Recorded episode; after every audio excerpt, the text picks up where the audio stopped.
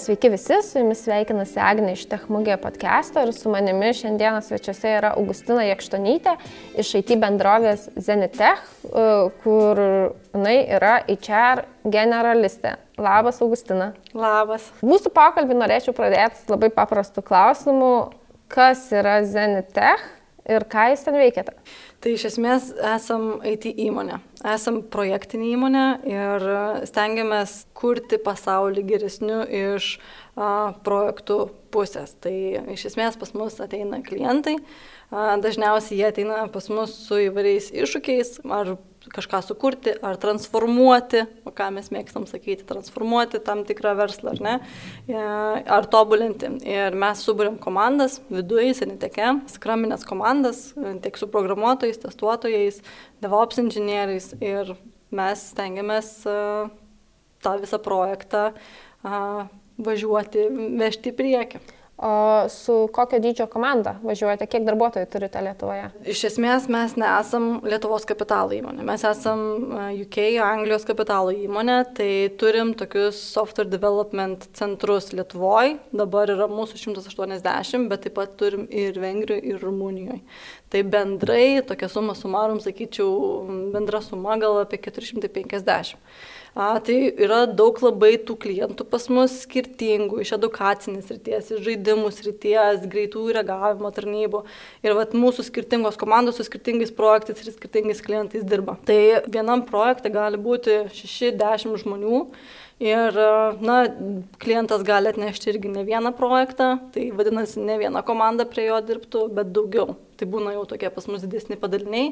Mes mėgstam vadinti accountais, ar ne, mhm. specifiškai klientą orientuotas accountas, kuris turi po savim, kad ir 3-4 projektus, gali būti ir 6-6 komandos. Viena komanda deliverina, na, iš esmės, programuoja ir kūrė vieną projektą specifiniam klientui.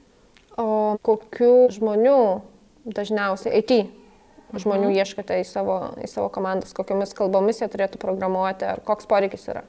Tai pas mus iš esmės, vat, jeigu įmam komandą kaip vieną unitą, tai dirba programuotojai, tai pirmų pirmiausia, čia mes turim Java specialistų, JavaScript, C-Sharp.net programuotojų, e, taip pat į komandą e, pritraukimi yra ir testavimo specialistai, Quality Assurance e, inžinieriai, jeigu taip plačiau sakytumėm, tai tiek rankinis testavimas manual, tiek automatinis.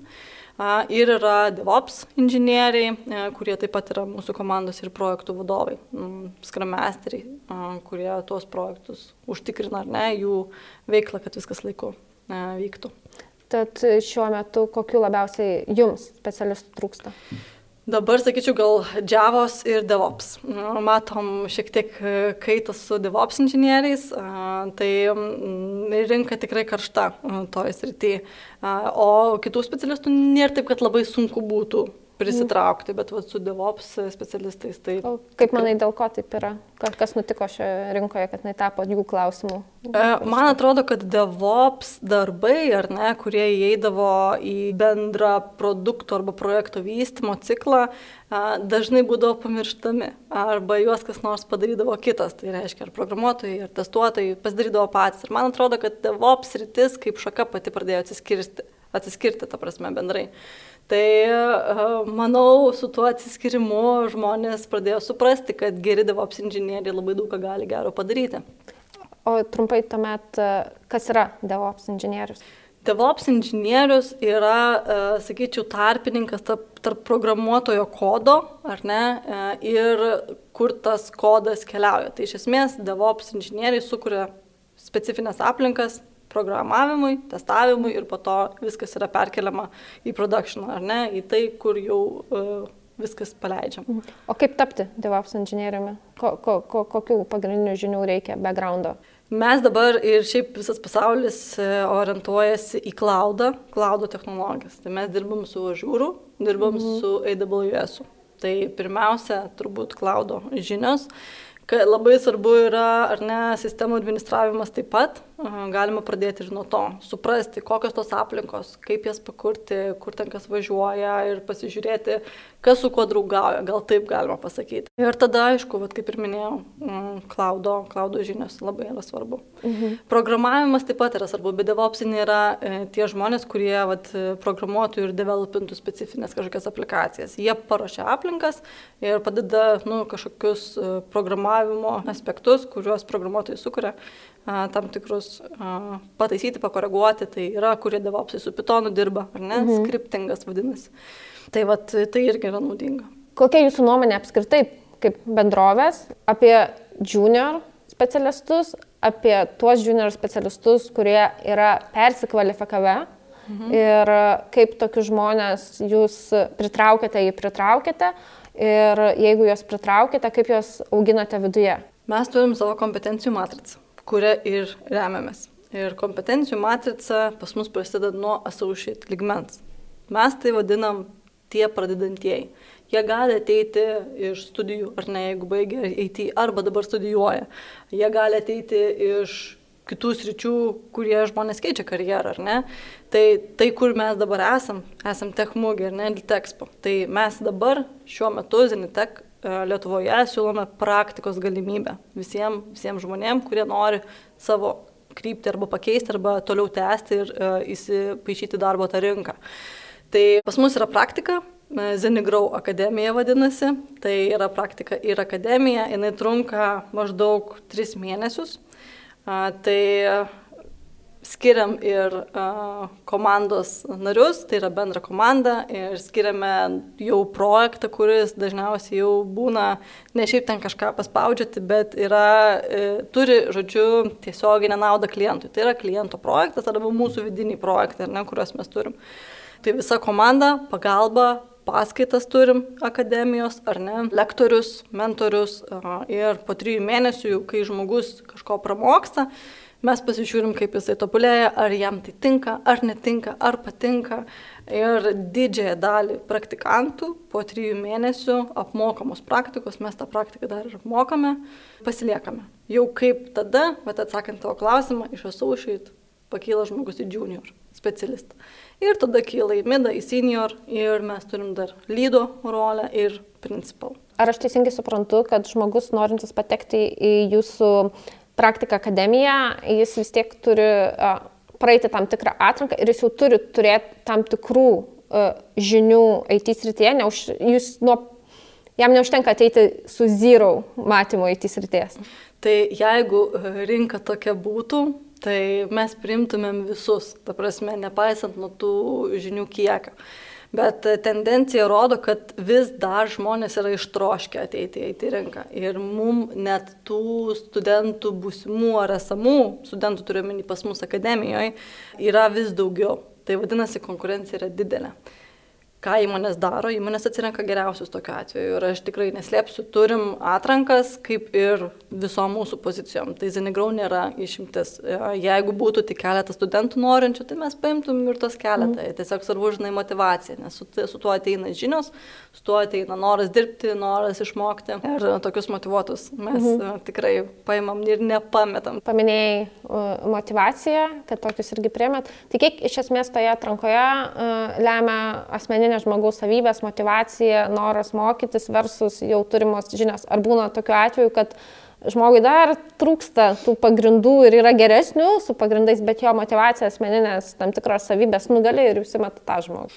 E, labai irgi skirtingų metų priklauso. Galima įsivaizduoti, kad pavyzdžiui pas mus dabar aplikuoja kokie 200 žmonių, ar ne, ir e, mes išsiunčiam testus. Tai taip, pirmą mes tikrinam tas žinias. Nes mes tikim, kad motivacija ateina iš to, kad tu nu, ne iš dangaus susigalvosi ir pabandysi, o jeigu tu nori, tai tu jau kažko domiesi, nu, tau juk smalsu turi būti, iš tavęs turi eiti ta vidinė motivacija kažką daryti, keisti. Tai natūralu, kad kažkokias žinias nu, tu jau turėtum turėti. Mm. Tai mes taip matom iš žinių nu, kiek, ar ne, tai ir, ir testas konkrečiai, ir parodomas procentas, kiek, kiek tas žmogus surenka. Bet priklauso nuo metų, gali būti, kad šimtukininkų nėra. Ar yra amžiaus limitas patekti į jūsų akademiją? Nėra. Mes, uh, vat, kaip tik neseniai skaičiavau uh, statistiką, ar ne, to diversifiškumo įvairovės pas mus Zentek Lietuvoje. Tai mūsų amžiaus vidurkis Zeniteke yra 30,2. Ir aš pasižiūrėjau, kiek mes ir Zenigrau, ar ne, va tokių technologijų ir kitų mūgių, karjeros mūgių paimam įvairių, ar studentų, ar va, persikvalifikuojančių suaugusių žmonių.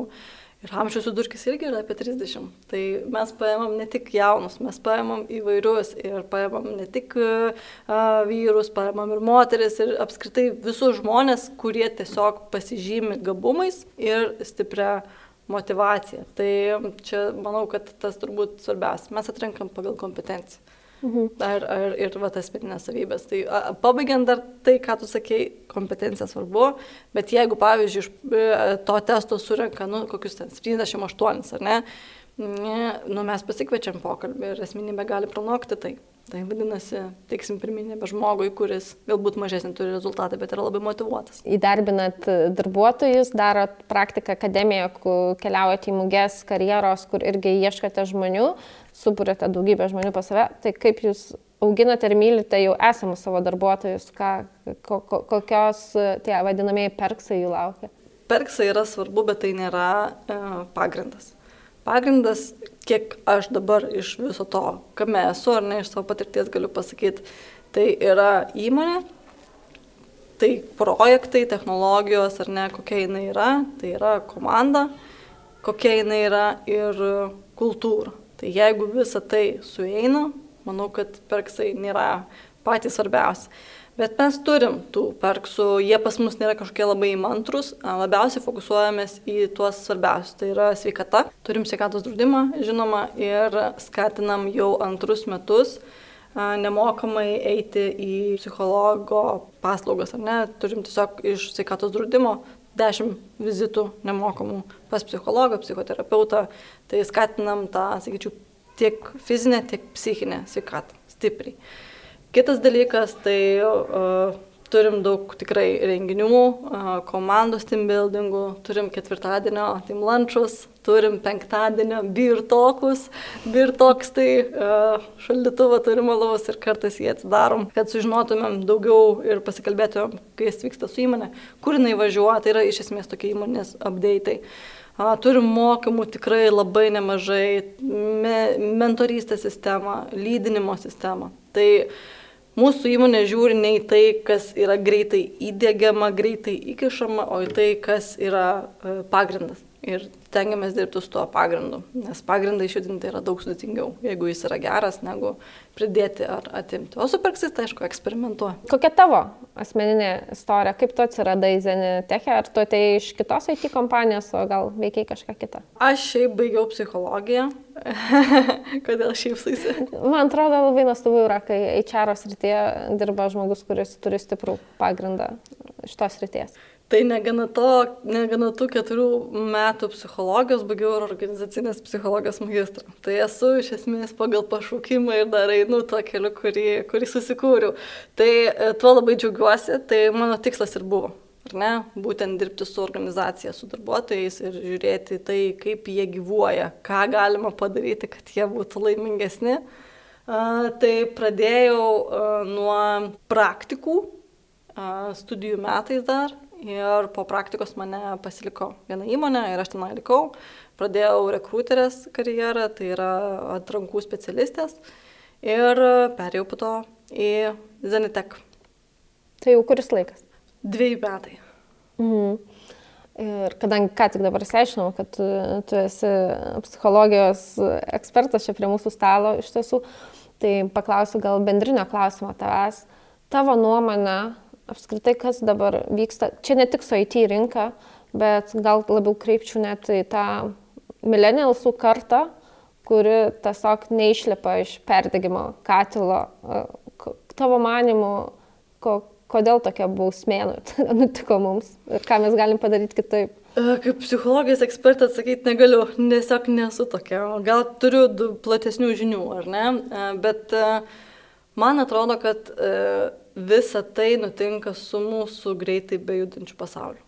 Viskas labai keičiasi, labai juda, verslai labai juda, nebegali skirti laiko ten tiek ir tiek valandų, pavyzdžiui, dabar, dabar turi padaryti dvigubai greičiau, ar ne? Tai man atrodo, kad žmonės turi didelę motivaciją, tiesiog gal nesugeba atlaikyti to greitai bėgančio pasaulio. Visur mes skubam, kartais reikia sustoti tiesiog, apsidairyti, pasverti, vat, mes laiką sakom, na, pasiprioritizuok tas užduotis, pasižiūrėk, ką tu reikia daryti, ar tikrai tau reikia tą padaryti dabar, ne? Tai man atrodo, perdegimas ateina iš didelio bėgimo ir negalėjimo pasakyti, kada reikia sustoti. Bet tam, kad galėtum tą padaryti, visų pirma turi būti su savimi atviras. Ar tau patinka tai, ką tu darai, ar tau uh, naudinga tai, ką tu darai, ar kažkas nutiks, ar sugrius pasaulis, jeigu tą užduotį padarysi po 10 minučių pertraukos. Nesugrius.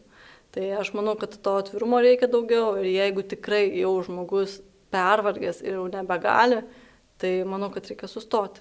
Tai yra labai daug psichologinių ženklų, kurie tai gali parodyti, bet ne visi tai pamato. Tai tiesiog reikia daugiau mylėti save, daugiau būti atvirų su mm. savim ir tada a, tą sveiką balansą išlaikyti. Tai čia toks palinkėjimas būtų visiems visiems, o koks tuomet tavo palinkėjimas būtų žmogui, kuris pradeda statyti savo IT karjerą šiandieną?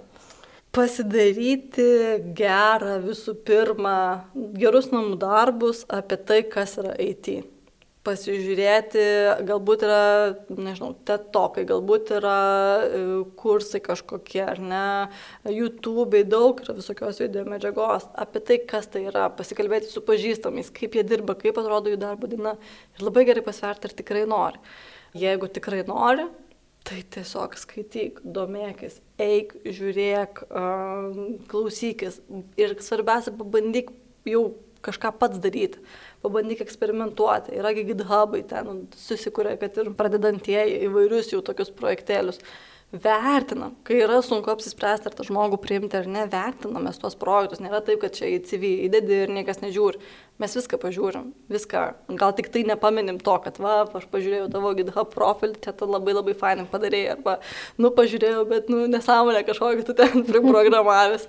tai tas vertinam ir tai, kad žmogus jau yra, turi ar ne žinių ir jau jas bando kažkur aplikuoti, tai galinti savo žinias, ar ne, tam, kad pasiektų kažkokių e, platesnių ar ne žinių. Tai yra labai gerai. Tai yra tokių žmonių, kurie ne tik kažkokias knygas yra perskaitę ar kursus, žinai, yra persižiūrėję, bet sako, va, subūriau savanorių komandą, mes jau kažką čia programuojam, kažką kūrėm, kažką developinam puiku, atsiveria dar daugiau aspektų, ne, dar daugiau kompetencijų, kaip dirbti komandai, ką darot, kai nesutarėt, ar ne? Tai iš to išplūkė tas kompetencijų lygis. Ačiū tau, Augustina, už šiandienos pokalbį ir tikiuosi iki kitų kartų. Tikiuosi, ačiū, kad pakvietėte.